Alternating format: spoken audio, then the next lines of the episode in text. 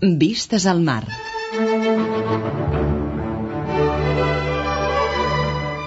Vistes al mar. Una mirada als nostres músics.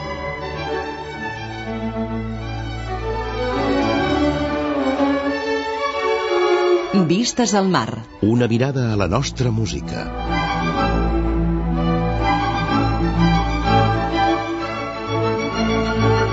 Vistes al mar. La música i els músics que han fet història al nostre país.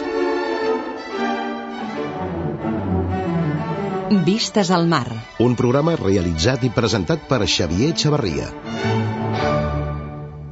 Bona nit i benvinguts a una nova edició de Vistes al Mar, el programa que Catalunya Música dedica a la música catalana, a la música i als músics que han fet història al nostre país, però també als protagonistes de la vida musical d'avui dia, els que la dinamitzen i treballen dia rere dia des d'àmbits molt diversos.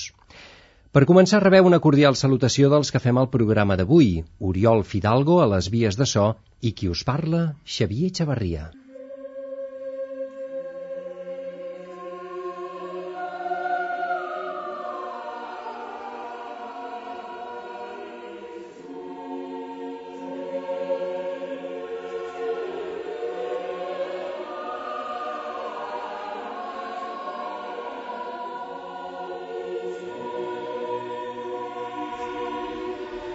Al llarg de la història de la música, la religió, la fe, l'espiritualitat ha estat la font d'inspiració de molts compositors i ha generat una quantitat descomunal d'obres musicals, d'art musical.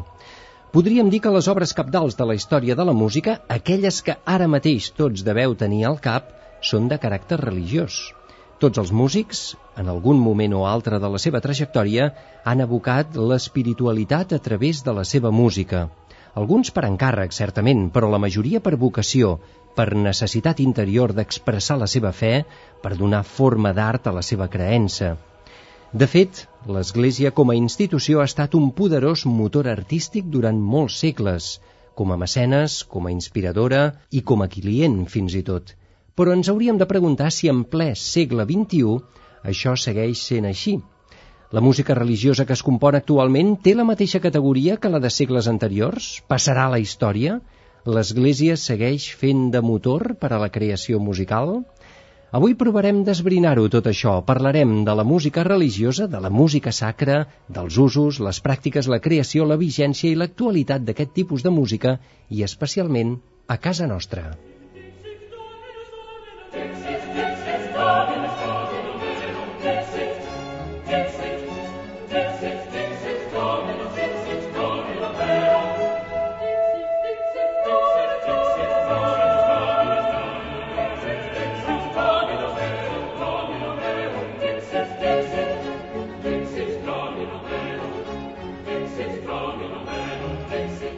Però el programa d'avui té un interès afegit, més enllà dels temes que tractarem, perquè avui a Catalunya Música hi tenim un convidat molt especial, una autoritat, jo m'atreviria a dir, si m'ho permeteu, una eminència de la música religiosa a nivell internacional.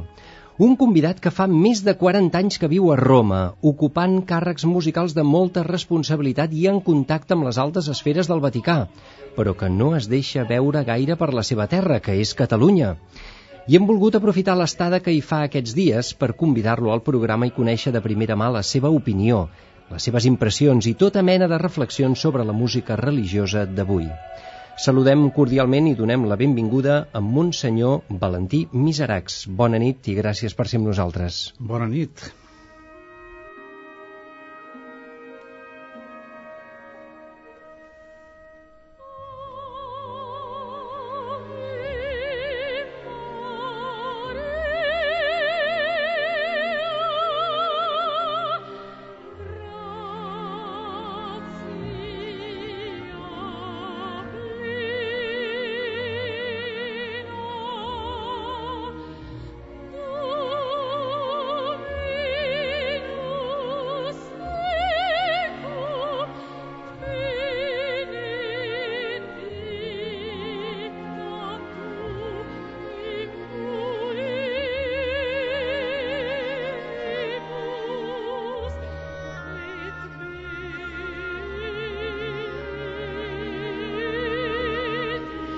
Valentí Miseracs i Grau, autor d'aquesta música que estem sentint, aquest Ave Maria, en què va te'n parlarem, va néixer a Sant Martí Gaioles, a la comarca de la Noia, l'any 1943. És teòleg, músic, compositor, va fer els estudis musicals en diversos centres universitaris d'Itàlia, va estudiar orga, polifonia, composició, cant gregorià, L'any 1977 es va convertir en mestre de capella de la Basílica de Santa Maria Maggiore de Roma, de la cèlebre Capella Liberiana, un càrrec que han ocupat músics il·lustres al llarg de la història, com per exemple Palestrina. Des de l'any 1995, Valentí Miseracs és director de l'Institut Pontifici de Música Sacra, la màxima institució musical a nivell mundial de música religiosa. Va ser organista a la Basílica de Sant Pere del Vaticà, catedràtic de composició al Conservatori de Matera, fundador i director de l'Escola de Música Tommaso Ludovico de Victoria, de Roma, director del coro Valiceliano. Valentí Miseracs també ha compost infinitat d'obres musicals religioses en llatí i en italià, misses polifòniques, peces d'orga, magnífiques, vespres, salms responsorials, aleluies i també oratoris per a cor, orquestra i solistes com Isaïa, Stefanus, Beata Virgo Maria o també el poema sinfònic coral Nadal. Avui n'escoltarem alguns tastets també de tota aquesta música.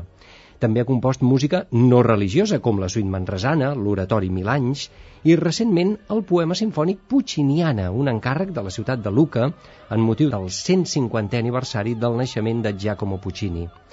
I com era d'esperar, amb aquest historial, que val a dir-ho, segueix creixent, el nostre convidat d'avui ha rebut guardons i distincions a diversos països. Fixeu-vos.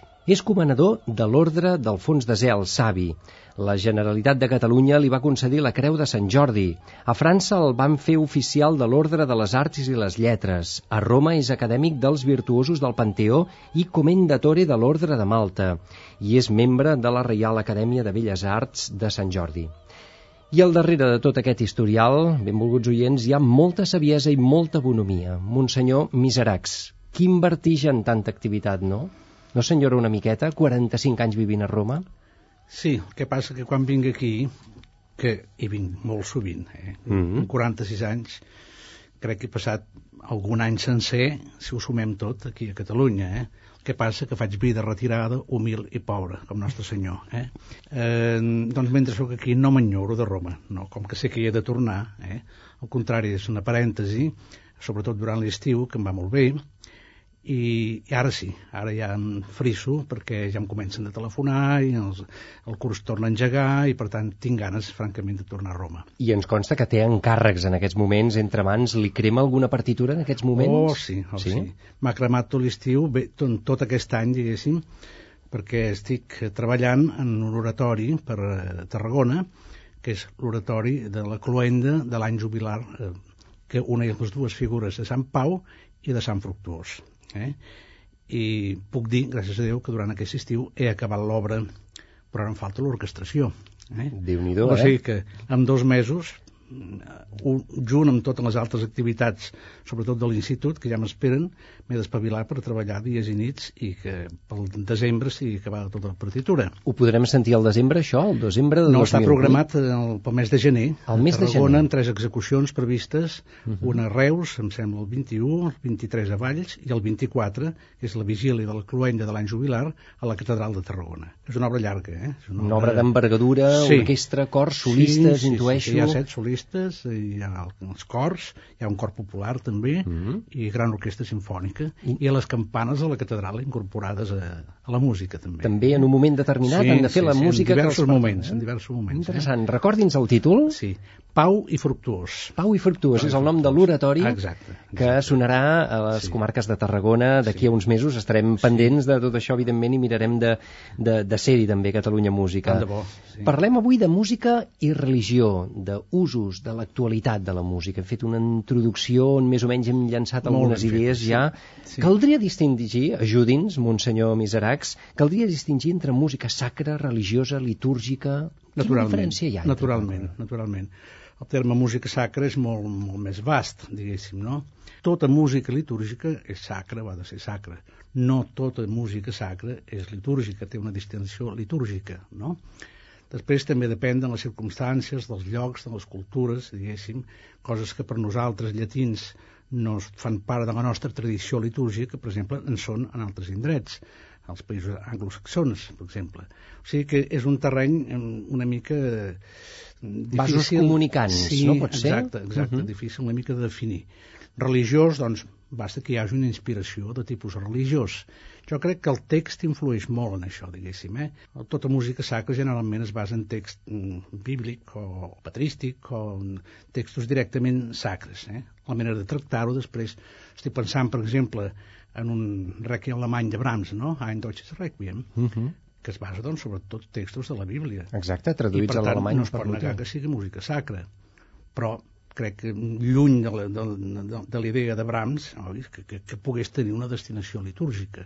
És una obra pensada pel concert. Pel concert no pas Sí. per l'ofici, per No, no, no, absolutament. Aquesta seria la Absolutament, diferència entre música litúrgica i música sacra? És la Sí. manera correcta d'anomenar-la sacra Sí, més sí. que no pas religiosa o tant és? Sí, sacra, sí. Religiosa crec que ja té una connotació molt especial, doncs, més, més de caire líric, podríem dir. Mm. Per exemple, les, eh, eh, la música religiosa que es va fer aquí a Catalunya arrel del moto propi de Sant Pius Desè, 1903. que va tenir una florida enorme, pensem en Millet, pensem en mossèn Romeu, en Nicolau, el Comillas Ribó, en Mas i Serra Can, hi havia una florida, ara justament tinc en les mans dos volums de, de la revista parroquial de música sagrada i, i fa fredat el que es va arribar a fer en aquells anys, eh?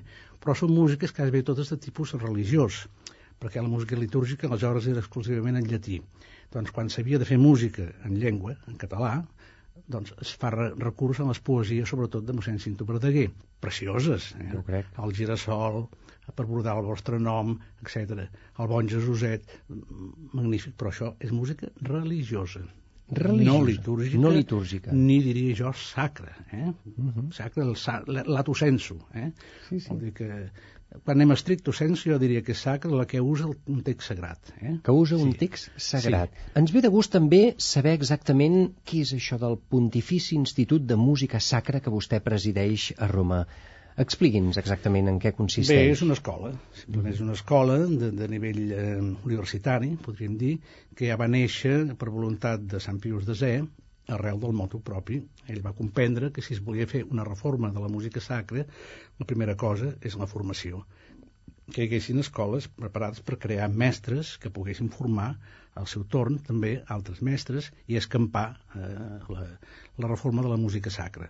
L'any 1911 es va crear el Pontifici Institut de Música Sacra que va néixer amb el nom d'Escola Superiore de Música Sacra. O sigui que ja va néixer com una escola superior. No? I uns anys més tard va esdevenir Pontifici Institut de Música Sacra és una institució doncs, que va de bracet amb les altres eh, institucions, ateneus, universitats romanes. Nosaltres som, però, institut. Eh? Amb la facultat de donar doncs, els títols universitaris i ara estem lluitant també ja per anar adequant el- els nostres programes, títols, crèdits, tot això al nou ordenament europeu, diguéssim, que, que, que radica en el Tractat de Bologna, que tants mal de caps ha portat. Però nosaltres no hi hem tingut una dificultat especial perquè la tenen els conservatoris. Nosaltres no, perquè ja érem una institució ja de, de tipus universitari. Eh?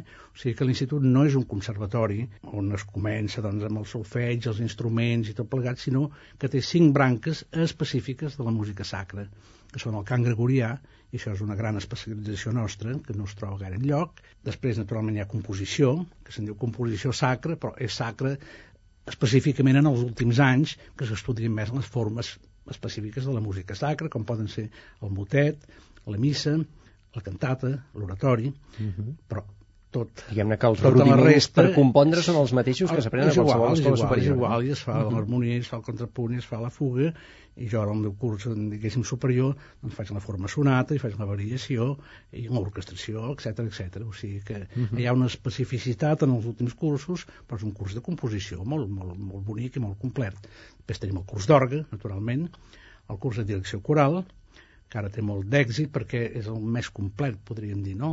La figura del mestre de capella, que hauria doncs de saber una mica, de, o molt, de, de, de, de, de tot, de dirigir el cor, de- d'escriure, de, composar, de dirigir, etc, de tocar també, eh, i després el curs de musicologia. Musicologia, Eh? també. Musicologia, També sí. enfocada cap al camp de la música sacra? Sí, naturalment, sí. Mhm. Sí, musicologia, sobretot en l'estudi doncs, de problemes o de qüestions inherents al cant gregorià, sobretot, però no sols. Eh? Qüestions històriques, també. Eh? Interessant, intuïm que és el lloc, el lloc més important per estudiar aquest tipus de música al món. És així? Crec que sí, crec que sí. Can Gregorià, per exemple, qui vulgui anar al lloc més especialitzat sí, en aquest... Sí, sí, sí. Sens sí, dubte, sí, oi? Sí, no hi ha dubte. Uh -huh. sí. Quin tipus No. d'alumnat hi tenen? Gent jove, eh, Sí, de tota mena, sí. direccionats cap a la carrera eclesiàstica o Tenim no? des de... No, no, més ben dit. Eh, si són eclesiàstics han de venir ja eh, acabades les, eh, acabats els estudis de teologia en altres facultats i ordenats, si pot ser, eh? Aleshores s'especialitzen, perquè no és possible freqüentar dues universitats, eh?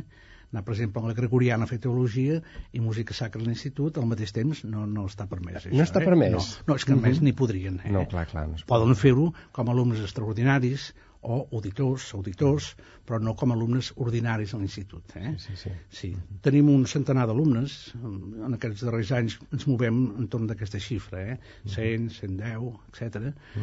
I podríem dir que la meitat són eclesiàstics, són sacerdots, religiosos, religioses, i una meitat de, de laics. Eh? Laics. Uh -huh. Tenim països representats, Itàlia bastant ben representada, els països de la vella Europa no massa, en aquest moment sí tenim tres catalans, si no vaig errat, i bastants a l'Amèrica Llatina, de Corea, molts també, dels països de l'est també, o sigui, i d'Àfrica, eh? ara comencen a arribar els africans, i aquí neixen els problemes, perquè, és clar, l'institut té una finalitat, diguem-ne, de servei eclesial, no?, a totes les esglésies del món, i ens venen gent doncs, que amb la màxima bona voluntat ens envien la, la, la gent millor que tenen, però amb preparació escassa, i per tant jo posar-los a la porta no, no, no ho faré mai, vaja, si no s'ha demostrat que no tenen capacitats.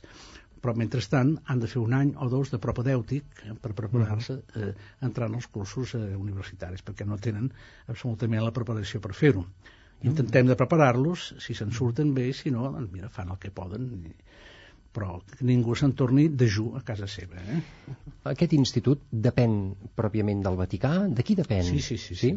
Depèn, en, en el doble vessant, podríem dir, acadèmic, depèn de la Congregació per l'Educació Catòlica. Eh? D'aquí depenen totes les universitats, abans se'n deia de seminaris, universitats, etc. I som un dels pocs eh, instituts acadèmics eh, universitaris de la Santa Seu que depenem, inclús funcionalment, econòmicament, directament de la Santa Seu. Eh? O sigui que si ens busquen a internet han de buscar Cúria Romana, institucions col·legate, eh? Collegate. connectades, sí, Eh? i allà hi troben el Pontifici Institut de Música Sacra. Eh? Uh -huh. Mentre que altres universitats, grans, com pot ser la Gregoriana, recolzen amb una família religiosa, com poden ser els jesuïtes per la Gregoriana, o els dominics a l'Angèlicum, etc. Som tres institucions que depenem directament de la Santa Seu. Nosaltres, Arqueologia Cristiana, i l'Institut d'Estudis Àrabs i Islàmics. Déu-n'hi-do, Sí. Déu-n'hi-do. Molt interessant tot plegat i és una, un tipus de- d'activitat que a vegades queda una mica desconegut aquí a casa nostra, ens queda una miqueta llunyà, però ja veieu que qui ho dirigeix és un català, Monsenyor Valentí Miseracs, que avui tenim l'orgull i l'honor de tenir als Estudis de Catalunya Música. Si us sembla, escoltarem una música composta pel nostre convidat, Verbum Caro. Sí, és... ni arriba a paràfrasis, és una és d'un- d'un- d'un- d'una peça gregoriana de, de la baixa medievalitat, podríem dir, no? No és un, una peça del repertori clàssic antic gregorià, sinó més ja més, més tardà, podríem dir, no? I simplement hi ha la tornada harmonitzada, eh? a quatre veus, que és en llatí, i les estrofetes són cantades en italià. I em vaig divertir a fer per cada estrofa un tipus d'acompanyament diferent, inclús una mica atrevit, podríem dir, no? Déu-n'hi-do. Per demostrar que això, que el gregorià és l'esperit del cant gregorià que ha d'informar la música religiosa, però no copiar-lo, simplement, No sinó copiar-lo. donar-hi el, el, el caire que avui ha de tenir la música d'avui, també. Mm? Ens ha fet gràcia això que ens deia que es va divertir fent això. Anem Oh, naturalment, no? Anem a veure com es diverteix fent sempre. música Monsenyor Miseracs.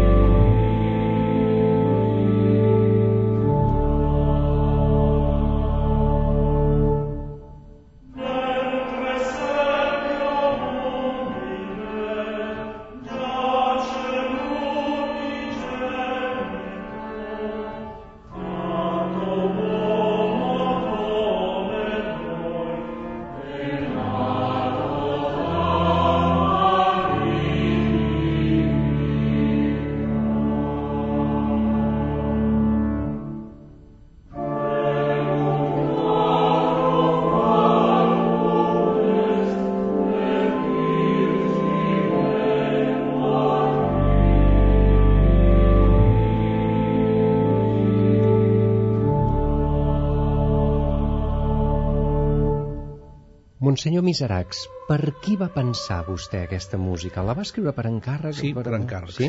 Jo quasi bé sempre ho he escrit tot per encàrrec. És molt cantàbil, si ens ho permet. És Oh, esclar, agradable de però- cantar, és- d'escoltar. És, és cant gregorià. Mhm. Aquí, eh? Aquí la melodia no és meva. Aquí el eh? que és molt enriquit és l'acompanyament aquest Clar, que ens comentava vostè. Això em vaig divertir. Picantó, eh, no? harmònicament. Sí. Això és una, una missa de Nadal que em van encarregar en les edicions paulines. No? I té la particularitat que està interpretat a la sala acadèmica de l'Institut amb l'orgue, el gran orgue Machoni, abans de la restauració que s'ha fet ara, total, i que s'ha fet amb la contribució de la Generalitat de Catalunya, i cantat per alumnes de l'Institut. Eh? O sigui que és una cosa ben bé cuinada a casa. L'enregistrament, la interpretació també sí, té la també, seva també, solera, ja ho sí, crec. Vostè, Monsenyor Miseracs, també és mestre de capella de Santa Maria Maggiore a Roma, una de les esglésies més importants, un càrrec que va ocupar si no m'equivoco, si no tinc mal entès, fa gairebé 500 anys Giovanni Pierluigi de Palestrina. Va ser Vostè- 5 anys. Cinc anys ho va ser-ho. A part que Palestina es va formar com a nen can cantor, eh? com a puto cantor, Sí. a Santa Maria la Major, eh? Uh -huh. perquè ell era de Palestrina i el, el cardenal de Santa Maria la Major era bisbe de Palestrina, diguéssim, no? i el va enviar allà amb Fermín Lebel, sembla, eh?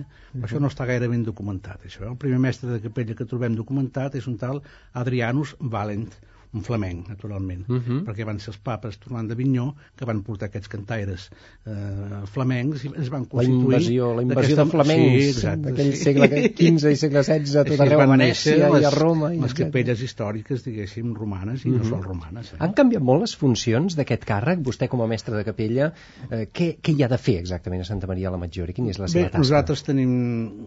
No, tenim els serveis, nosaltres en diem, eh? el servicio, eh? Tenim un centenar de serveis a l'any, o sigui que, que estem bastant, bastant ocupats, eh? Principalment la, la missa dels diumenges i festes. Clar, com més solemnitat és eh, la festa, més descarreguem eh, en repertori i, i complexitat, podríem dir. Per exemple, tenim doncs, un orgànic de, de base és, és, és cor d'homes, eh? tenors i baixos. És a dir, a Santa Maria la Maggiore hi ha un cor estable Estable, estable. que, eh, diguem-ne, canten els I oficis... ininterromput, només durant els anys de la invasió francesa hi, van haver, hi ha tres anys que no estan documentats. Però jo tinc la genealogia, per exemple, de tots els mestres de capella, des d'Adrianus Valen fins, Valen fins a Valentino. Eh? El Valentino, que és vostè. Ah, exacte, sí, sí, jo. I crec que som 33 eh, en, en aquests segles. Uh -huh. Només que alguns ho eren 3 o 4 anys, canviaven, llavors hi havia molta competència, i els últims hem sigut llargs, eh? Els meus predecessors, en Domenico Bartolucci, va ser-hi 30 anys. Uh -huh. Licinio Refice, abans, i va ser-hi 36 anys. Vostè en porta I 31. ja en porto 36. 36. perquè jo vaig començar el 73 ja Ah, com a correcte. vicedirector, Uh -huh. però pràcticament ja ho havia de fer tot. O sigui que jo conto del 73. O sigui, Sí, sí, sí, sí. En porto 36. Per tant, eh? vostè té entre mans un cor de veus masculines... Sí. Aleshores, en les festes grosses tenim un cor femení també. Dissortadament no és fàcil tenir un grup d'infants, eh? que seria l'ideal. Una Els primers temps encara ho teníem, eh? però... Entendríem per escolania, no? Sí, Perquè aquest cor és professional, per entendre'ns? Sí, sí, Som sí, sí. mm, persones Sí, sí, sí. que tenen un coneixements Sí, musicals, sí, una sí, formació, sí, sí, sí. i que fins i tot eh, cobren per, per, sí, viuen sí, d'això. no? cobren, no, no molt, però... A- Això no és gaire habitual, Monsenyor Miseracs, oi que no? Mentre ho puguem mantenir, doncs és una garantia. Els que cobren establement són els de la Capella Sistina, aquells sí. Uh -huh. I per tota N'hi la ha gaires més per de tota la feina que fan, mm, ben pagats que estan, eh? Nosaltres nosaltres eh, tenen un, un, un gettone di presenza, podríem dir. Eh? Gettone. Un gettone, eh? Una, una, una fitxa de presència, Sí, sí. un tant per cada servei, diguéssim, Mhm. no? i llavors hi ha els joves que venen, que fan d'aprenents, i de mica en mica es van introduint, perquè hi ha gent gran també que es va jubilant, naturalment, però bé, tenim un, un, bon, un bon complex vocal. I a més de l'orgue, amb dos excel·lents organistes que tenim, un d'ells és català també, el mestre Joan Paradell, alumne meu, també tenim un sextet de metall de vent, eh? Mhm. que a les humanitats dona molta, molt, molt d'esplendor. Jo ho crec. Sí. sí. Per tant, he hagut d'escriure també molta música, doncs, tipus preludis, interludis, etc, amb orgue, eh, entonacions per les peces, etc. Hi ha un corpus, doncs, bastant respectable ja de, de música eh, pel sextet, diguéssim, no? Uh -huh. quin luxe tenir un instrument Sí, d'aquestes jo- característiques, mira, jo eh? considero- I a més a més, Sí. suposo que l'ofici ha de quedar solemnitzat Oh, d'una manera sí, extraordinària. sí, sí. Ho dic perquè a vegades aquí eh, fa la sensació que la música està molt mal parada, molt menys tinguda, molt maltractada a l'ofici, ja no només a l'església en general, sinó eh, a qualsevol església, i la música que se sent a vegades és Sí, no, molt poc digna, per dir-ho d'una manera... Nosaltres estem el que No? diu en Itàlia un isola felice. Eh? Isola felice. illa feliç. Sí, sí. Eh? I aquí com veu el I panorama? jo quan surto i vaig a altres esglésies em desespero, eh? perquè eh, veig francament... Allí, a, a Itàlia, però aquí a Catalunya també? Home, miri, aquí em prefereixo no, no ficar-m'hi massa, eh? perquè, ja dic, jo sóc italià, eh? sóc ciutadà italià, però, sí, no, aquí hi ha una mica més de dignitat, dic la veritat, eh?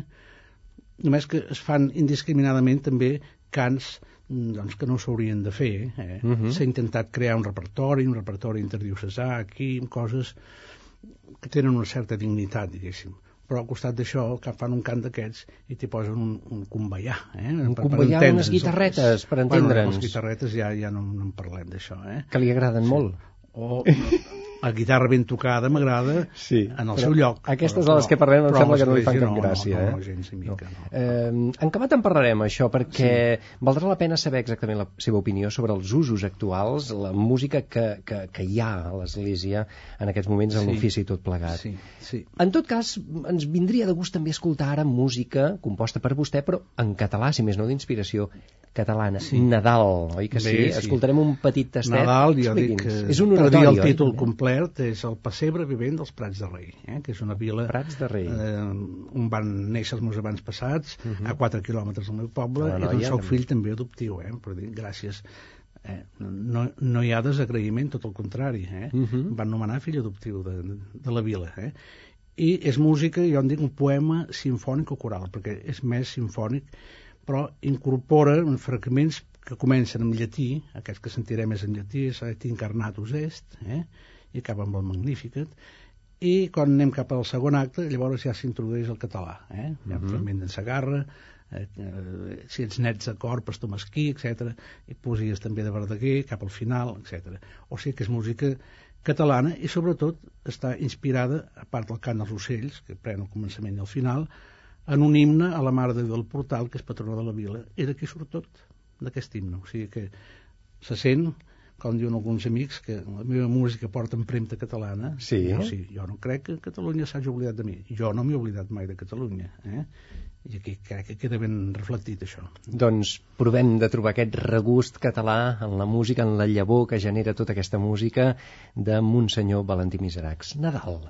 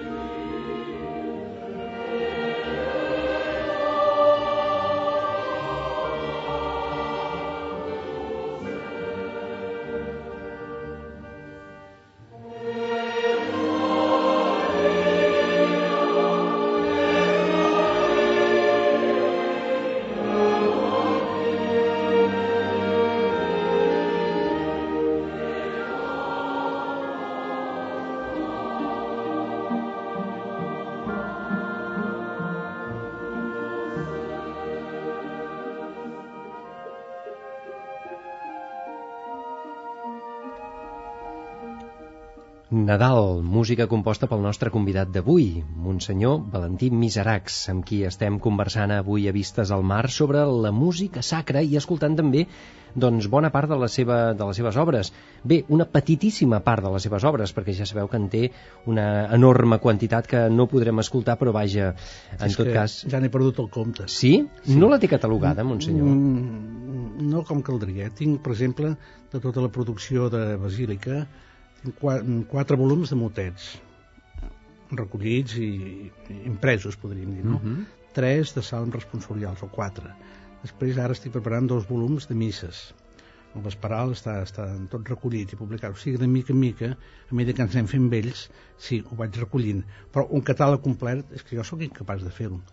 Necessitaria ben bé algú que, que, que, Exacte. que m'ajudés i ara amb els mitjans d'avui, informàtics i tot plegat, jo Jo ho crec. tinc altra feina per fer, no? Val més que jo escrigui la música eh, i la faci i que altres m'ajudin a fer aquest treball. Eh? Exactament, sí, Sí. senyor, la catalogació Ah, pendent exacte, encara de, exacte. del corpus eh, musical Sí. compost per en Monsenyor Valentí Miseracs. Miseraquià, com diu el meu amic, que ha ha encunyat aquesta paraula, miseraquià. Miseraquià. Bé, bé, bé, bé. Vostè ha comentat en alguna ocasió que des del Concili Vaticà II, eh, l'any 63, no s'ha legislat ni donat cap instrucció pel que fa a l'ús de la música en l'ofici. I això, segons vostè, ha provocat una anàrquica proliferació d'experiments de tota mena que, pot ser amb tota la bona fe, han incorporat a la música litúrgica un munt de banalitats copiades de la música lleugera, de consum o d'altres productes estrambòtics i que a l'interior del temple no funcionen. A què es refereix exactament? Quin tipus de música eh, és el que fa referència? ha, ha estat així la cosa, eh?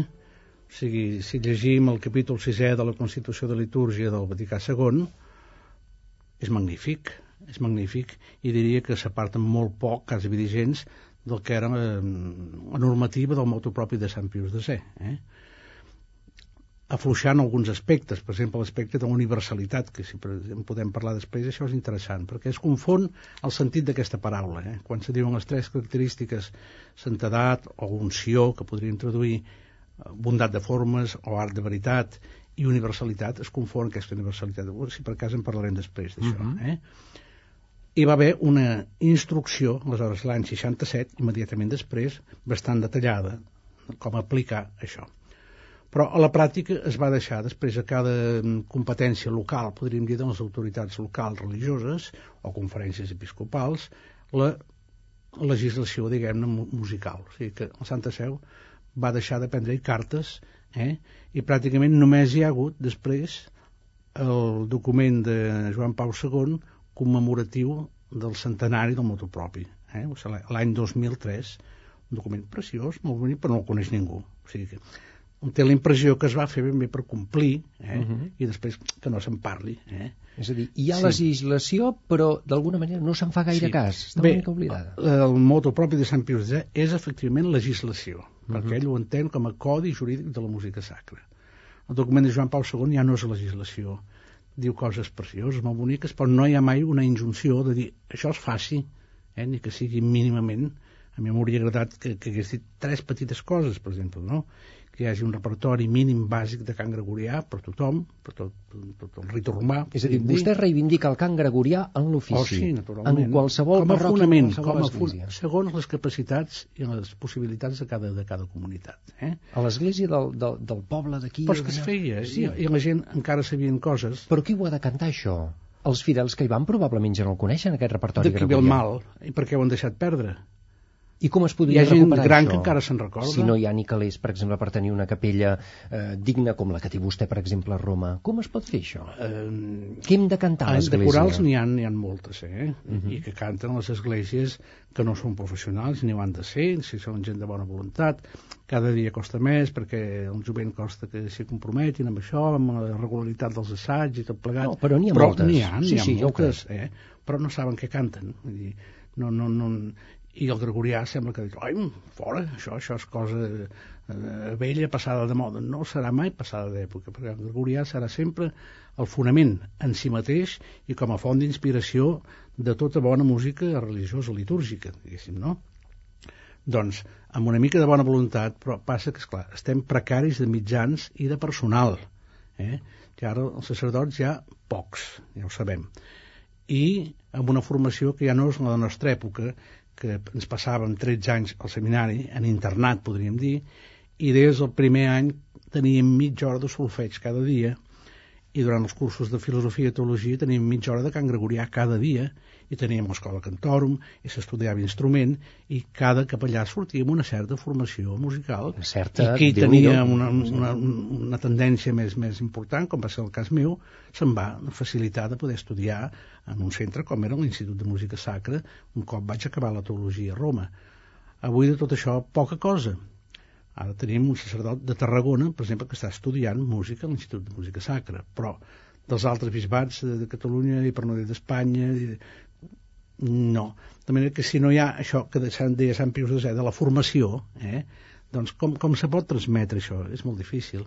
Però hi ha l'ICAT, entenem-nos, i són ells que ho han de fer. Si no hi ha capellans que ho facin els laics. Uh Mhm. -huh. eh? Fa la sensació que aquesta desídia per la música s'ha encomanat de, de, del món laic.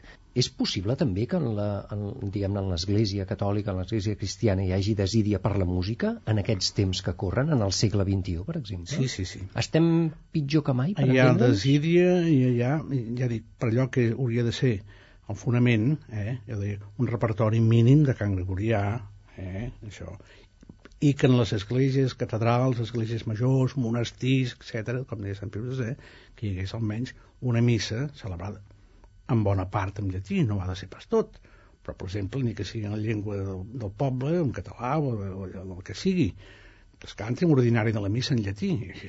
Quin mal és això?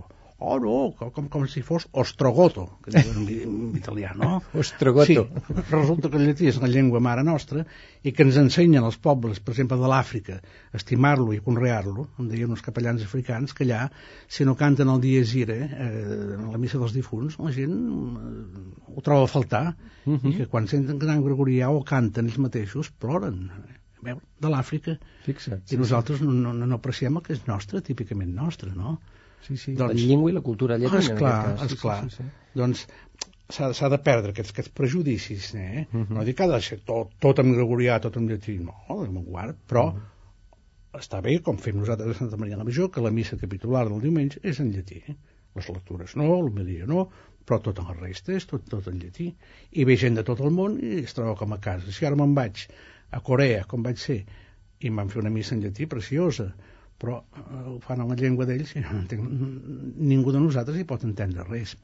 O sigui, aquest caràcter que, que té el, el llatí i, i el gregorià de ser instrument de catolicitat, jo crec que s'hauria de tenir en compte i de potenciar. Eh? Però parlàvem també d'aquesta mena d'invasió o de contagi Sí. d'una música, diguem-ne, Sí. poc, poc digna, Sí, sí. ja en els oficis i tot És que això. Què cal sí, extirpar? No hi va haver eh, control ja des del començament. Eh? I, per exemple, a Roma ja es va fer un experiment eh, als anys 60, immediatament després del concili. Eh? Després que el concili havia dit allò tan clar, surten amb una missa beat, Beat. eh? Beat, el eh? tipus dels Beatles, no? Sí, sí, sí, o sigui, sí. amb percussions, amb guitarres i rimes la terra, Un compositor, terra. Marcello Giombini, Bini, que era un bon músic. Era un bon músic. Era- I, sí, I què feia? no? Un, un tipus de música cantada amb rítmica, sí, un, un trasplant de la música lleugera que es feia en aquella època, Sí. del tipus dels Beatles, Que ja ha passat de moda, per que ja ha passat de moda, Exacte, a l'església. Eh? I ara és pitjor, perquè allò encara es veia que era fet d'un home que sabia la música. Eh? Però ara, que hi hagi el, el gruix principal del repertori que es canta en les esglésies d'Itàlia és fet d'un home que diries que no coneix ni les regles de l'harmonia, però passa per ser un gran músic. Actualment? Sí, o perquè ho diuen, ho diuen a la televisió, i com que és un instrument de cretinització més solemne que hi ha... Instrument tothom- de cretinització. cretinització. La televisió. Sí, no, ho dic jo, això va dir una gran personalitat. S'ha inventat, això serà a la llarga un instrument de cretinització més important que hi haurà, i efectivament, em sap molt greu, pot ser un instrument molt positiu, però també molt negatiu, eh? I, i ho veiem, i ho veiem, no? Doncs aquest senyor passa per ser un gran músic i, i de, de, de mossèn Miseracs ningú no en parla eh? Vull dir, els que venen a Santa Maria la Major l'institut, hi ha una elit que sí que, que ho aprecia naturalment jo he quedat parat de veure internet eh, el, el munt de vegades que hi surt o sigui, jo quedo esgarrifat Nosaltres també Sí. hem quedat parats de veure la, la presència dir, mediàtica per internet que quan un vostè altre té, em fa cabal, ja està bé, oi? Sí, sí, jo Però crec. la massa, diguéssim, eh, això, aquesta insensibilitat de part de, de les jerarquies. Això, això, això és, és, és trist, és preocupant. Eh? Uh Mhm. -huh. I que el Vaticà no s'hagi decidit encara fer un pas positiu en aquest sentit. Té a veure el- d'alguna manera amb allò que comentava el bisbe, el doctor Torres i Bages, que deia que la música és una eina educadora dels sentiments i que havia passat, cito textualment, cruels amargures escoltant al temple terrabastalls musicals que destruïen els textos sagrats i que expressaven sentiments mundans o profans. Sí. Va partir la cosa? Això del bisbe Torres i Bages, Això en el decret, en el decret d'aplicació del motu propi de Sant Pius X per l'església de Vic, pel bisbat de Vic. Eh? Mhm. O sigui que en aquells temps el papa deia una cosa i a cada bisbat de seguida es mirava d'actuar-ho això. Eh? I Torres i Bages, clar, reflectia el que era la música de l'església d'aquell temps, que era música teatral, Mhm. de, de, de, de tipus teatral. És a dir, el, Sí. el, el teatre gairebé s'havia fet Sí, l'ama de a la música a religiosa. Itàlia completament, Es feien eh? òperes però amb textos eh, religiosos, es feia, exacte, no? si canviava el text, Sí, sí, sí. o bé les músiques que s'escrivien eren d'aquest tipus. Això no? és dolent? Sí. per és la- dolent. per la religió. Hi ha cosa pitjor, encara. Hi ha cosa pitjor. Jo sempre dic que contínuament hi ha hagut d'haver reformes, en tot, però en la música sacra hi ha hagut moltes reformes. Per exemple, el Concili de Trento va, ser, va fer la seva reforma pretenent que la polifonia eh, tingués uns principis doncs, de linearitat, de claredat, que el text s'entengués bé, que la font d'inspiració fos la temàtica gregoriana, i d'aquesta manera van sortir les obres mestres de, de, de Palestrina, de Victòria, de Lasso i de, de, de tots els grans polifonistes. Eh? Morales, sen, Guerrero, sensibles al que Trento demanava, eh? Que la polifonia no havia de ser doncs, una, un motiu d'exhibició de gran eh, perícia i de gran vanitat humana, en el fons, no? Bé, aquesta reforma. De mica en mica van entrar les formes barroques i, i va acabar a Itàlia entrant l'òpera. Eh? Uh -huh. Per això Sant Pius X fa la, la seva reforma, diu, això és música profana, perquè es cantava el romance, es cantava la cabaleta i es cantava, doncs, o copiant simplement, i això és Pontini també, no? Uh -huh. que ho hem citat també. Ell tampoc no sap el que s'ha de fer ben bé, eh? La música ha de ser un reflex de la música del cel, dels àngels, bueno, això, això queda... Sí, sí, Spontini es queixava Sí, sí, que, sí. Que, que feia referència a diverses peces teatrals d'arguments ben escabrosos de la seva època Sí. que es feien servir a l'Església senzillament canviant-los la lletra. Sí, eh? Sí. dir, coses absolutament... Sí. Eh, però canviant la lletra. Sí, però la gent coneixia talment el, la música, aquella música, Ah. que ni que canviés la lletra la gent pensava en el que efectivament era la música. És no? aquest el mal? O realment, a veure, clar, això ens fa pensar, realment una música té alguna cosa inherent que la faci religiosa per se? Johann Sebastian Bach, per exemple, Sí. era capaç d'utilitzar una mateixa música de caràcter profà, una àrea d'una cantata profana, per exemple, en una peça religiosa, una altra cantata o un oratori o una passió, simplement canviant-li la lletra. Això és pecat. No, no, jo, eh, en el cas de Bach, per exemple, jo crec que té una, podríem dir, univocitat de, de, de, de, de llenguatge i d'inspiració que sense una cantata profana i aquesta profanitat de vegades costa de veure, eh? la cantata del cafè o... mm -hmm. és una música que, que admet més eh, sí, això ho havia fet eh, contínuament esclar, havia d'escriure cada setmana una cantata i aquest servei doncs a vegades no, no, no tenia temps, tenia una família molt, molt numerosa i agafava músiques els que li podien anar més bé i les adaptava al text litúrgic, però vaja no crec que sigui el cas de la Passió de Sant Mateu, per exemple, no? Mm. sinó de moltes músiques d'ofici doncs, que per força ho havia de fer. Exacte. Però el seu llenguatge això ho, ho suporta més que agafar un, un, una òpera de Bellini o de Rossini, que, que, que és clarament teatral eh? I, i no es presta a la música religiosa. Eh? Mm -hmm. Una pregunta pot ser una mica capciosa, Monsenyor. Eh, cal ser creient per fer música religiosa? Jo crec que és eh, l'òptimum, això. Eh? A part que els graus de fe o de creença, això només els mesura Déu Nostre Senyor. Eh? Vull dir, jo, mm, des d'una mm, posició, podríem dir, hostil o contrària a la fe, difícilment jo com, com podria fer una cosa amb la qual que no sento, Però per encàrrec. crec. Bueno, sí, però hi haurà autènticament la sinceritat, eh, perquè si una obra no té la sinceritat de la inspiració, eh, no t'hi trobes tu mateix allà dins, puc fer una cosa doncs, d'imitació, una cosa eh, formalment correcta, que estigui bé, però crec que no hi faltarà aquesta sinceritat de, de, de la comunicació personal del, del, qui, del qui ho escriu. Eh? Uh -huh. Ara ja dic, hi ha molt, molts graus de creença i de fe i des del moment que un s'acosta amb serietat a fer música ja és una actitud espiritual, eh? Fondament espiritual i humana, que ja, ja és un grau de, de, de creença i de fe, això. Eh? I no està dit doncs, que els que es piquen més el pit puguin fer la, la música millor, no? jo parlo precisament moltes vegades d'aquella missa de Pius X que circulava després del moto propi per aquí en les esglésies de, de pagès sobretot, que se'n deia missa de, de Pius X, no? Que era una còpia pedestre, diguéssim, de, de, música teatral, allò que Sant Pius de no volia, precisament, eh? Mm -hmm. i es cantava amb uns arpeigs que feia sí, uns efectes teatrals, però ridículs, eh? Sí, sí. eh? I aquell bon home de segur que ho va fer amb tota la, la, la bona fe d'aquest món, eh? però el resultat tampoc no va ser gens no era acceptable. ben eh? espiritual, ni de bon tros. Què li sembla si escoltem O Salutaris, una peça composta per vostè? Expliqui'ns breument. Sí. No, és un motet eucarístic, naturalment, uh -huh. eh, curtíssim, eh? eh? que em sembla que el vaig escriure corrente càlamo, allò que s'hi diu, eh? per demostrar als meus alumnes en un moment de classe que movent les veus per grau conjunt, eh, sense uh -huh. salts... Per segones, ah, exacte, eh? per segones, nota per sí, nota. o per moment contrari, etc. Sí. es pot obtenir una cosa va sortir una, una, una cosa feliç perquè s'ha cantat molt i, i agrada molt sempre. Doncs sentim aquest motet de Monsenyor Valentí Miseracs. O salutaris. Oh.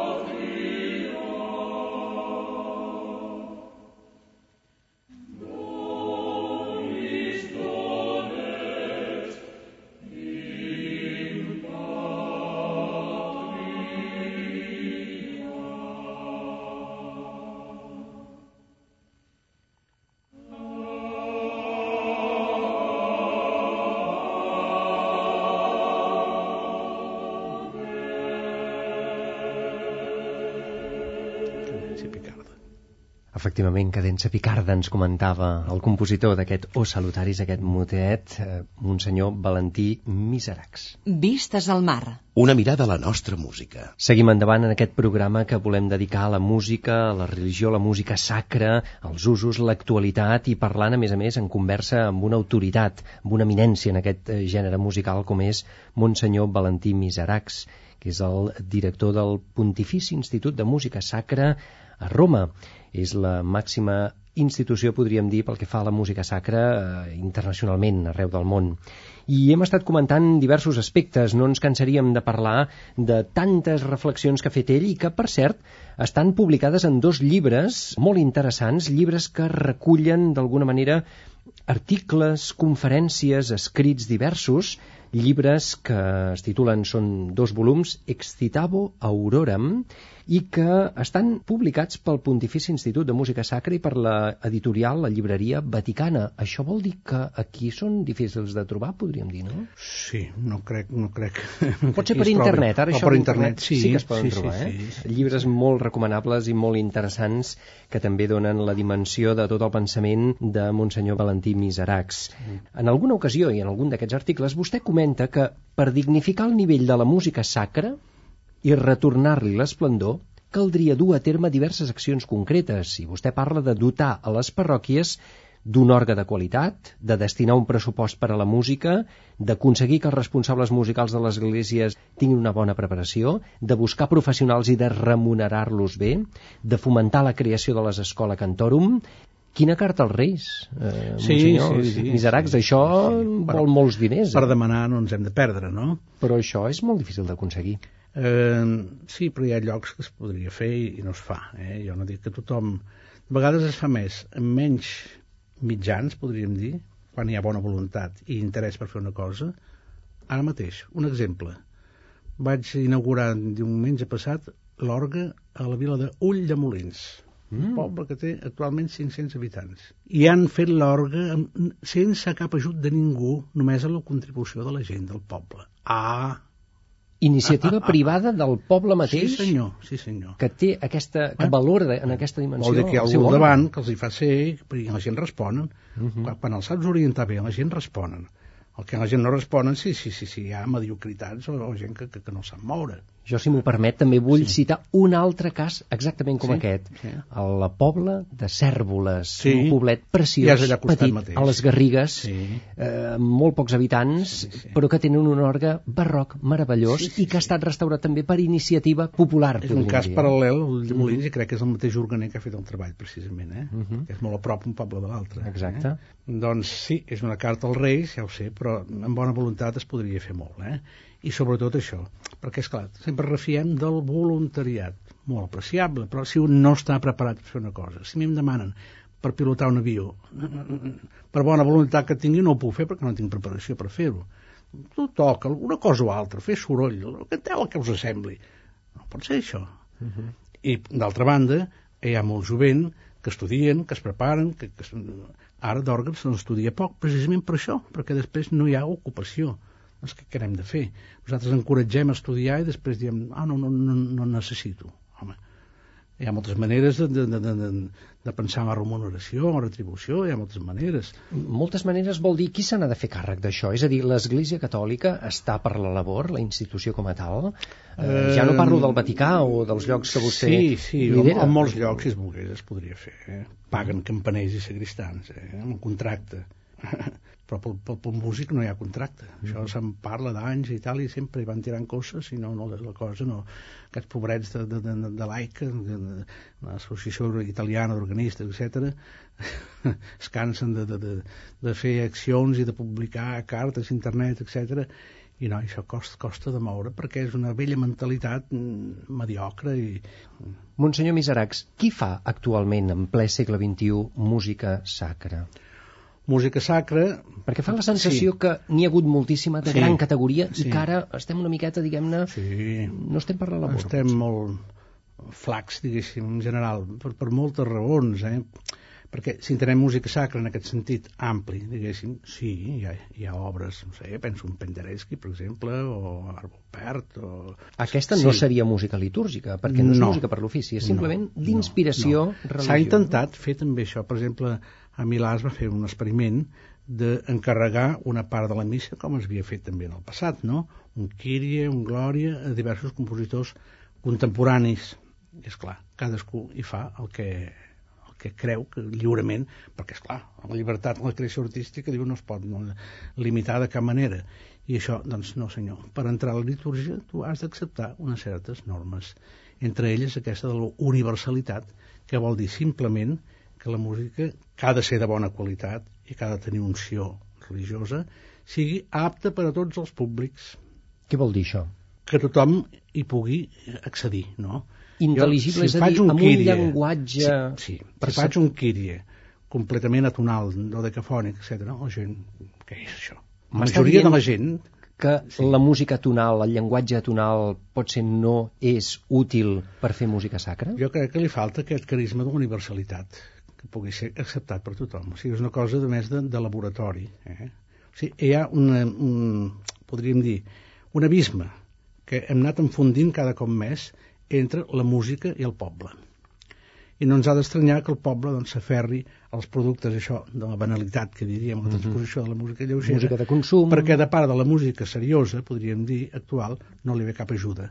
Eh? Si nosaltres proposem com a música eh, sacra, feta bé, música eh, atonal, tota cafònica, per entendre's, experimental, o sigui, això no, no, no ho poden entendre de cap manera. Aquest és el concepte d'universalitat sí, que vostè reivindica sí, per la música No ho reivindico jo, això ho reivindica l'Església. Uh mhm. -huh. Sant Pius X era aquest el sentit en què parla d'universalitat.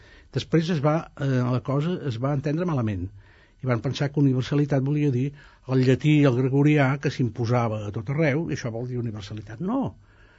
Ell entenia universalitat amb això, que les tradicions, inclús locals, ell pensava segurament en el coral alemany, en l'execució de misses de Mozart, de Schubert, etc., amb orquestra, com s'acostuma a fer. Són vàlides sí. per l'ofici, per ah, exemple? Aquesta... A Alemanya ho fan tranquil·lament i uh -huh. en els països anglosaxons.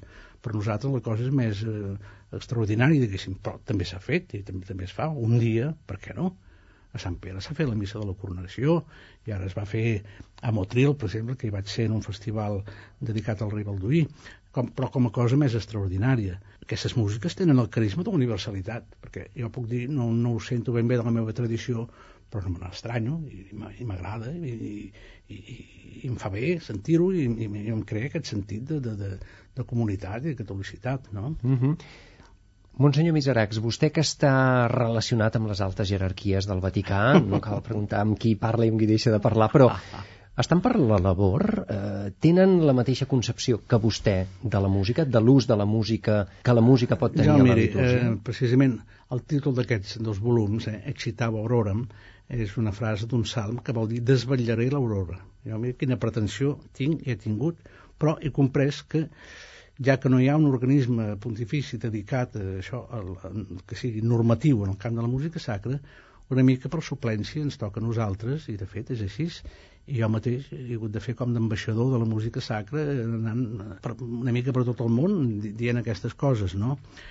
i per tant si es tracta de desvetllar l'aurora si s'hi fixa en el segon volum al fons eh, ja és una mica més clar eh? sí. vol dir que l'aurora un petit pas de mica en mica va fent perquè es va afermant la, la consciència que això no, no anem bé del tot i que s'ha d'anar tot va venint, tot va venint, amb molta paciència. Té confiança, té esperança? Sí, no, si no ja no faria tot el que he fet. Vull dir, jo, encara em queden tres anys de director de l'institut, si tot va bé, oi?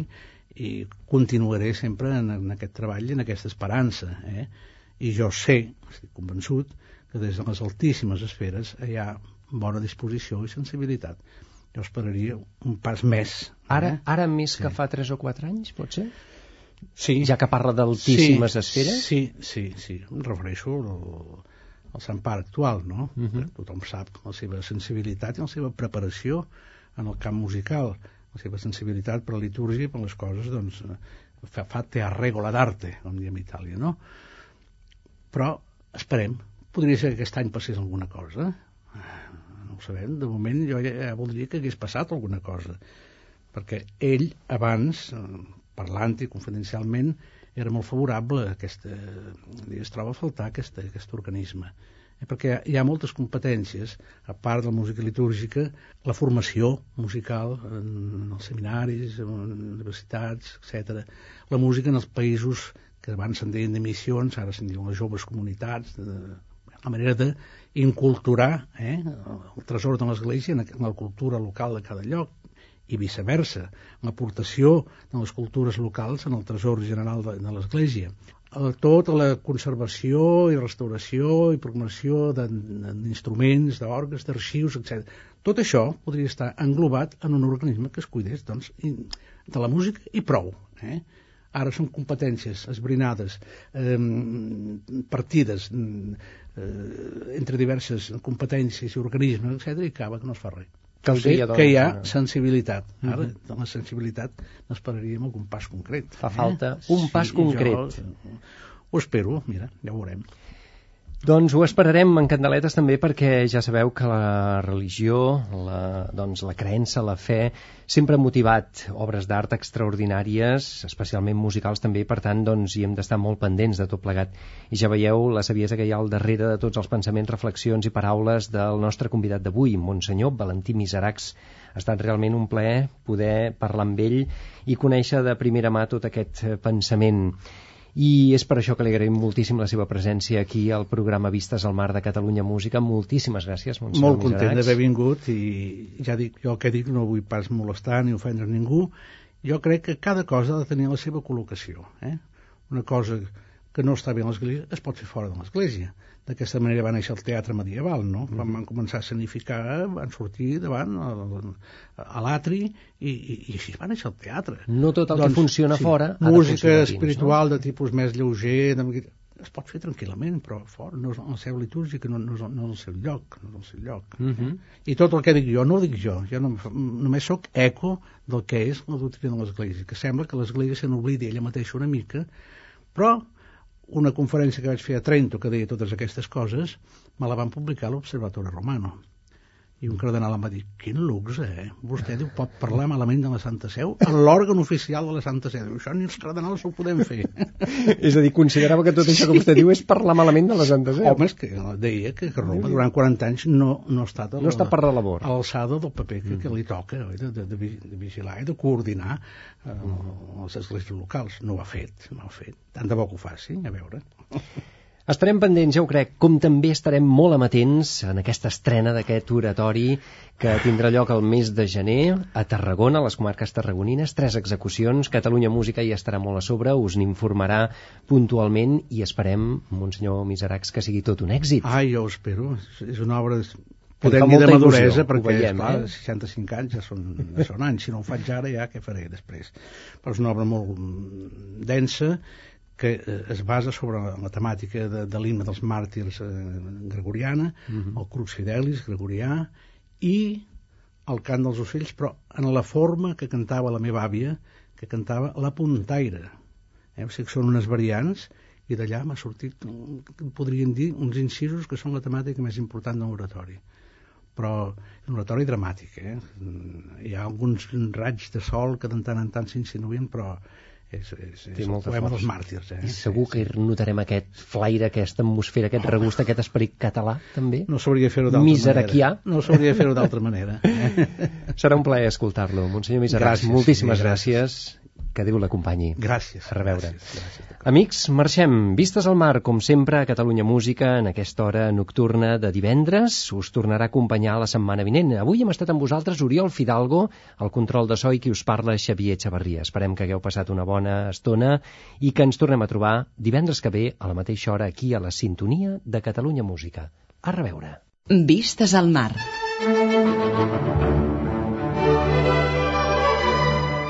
Vistes al mar. Una mirada als nostres músics.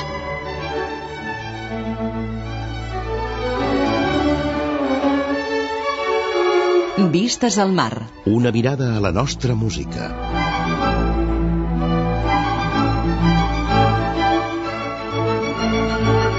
Vistes al mar. La música i els músics que han fet història al nostre país. Vistes al mar. Un programa realitzat i presentat per Xavier Xavarria.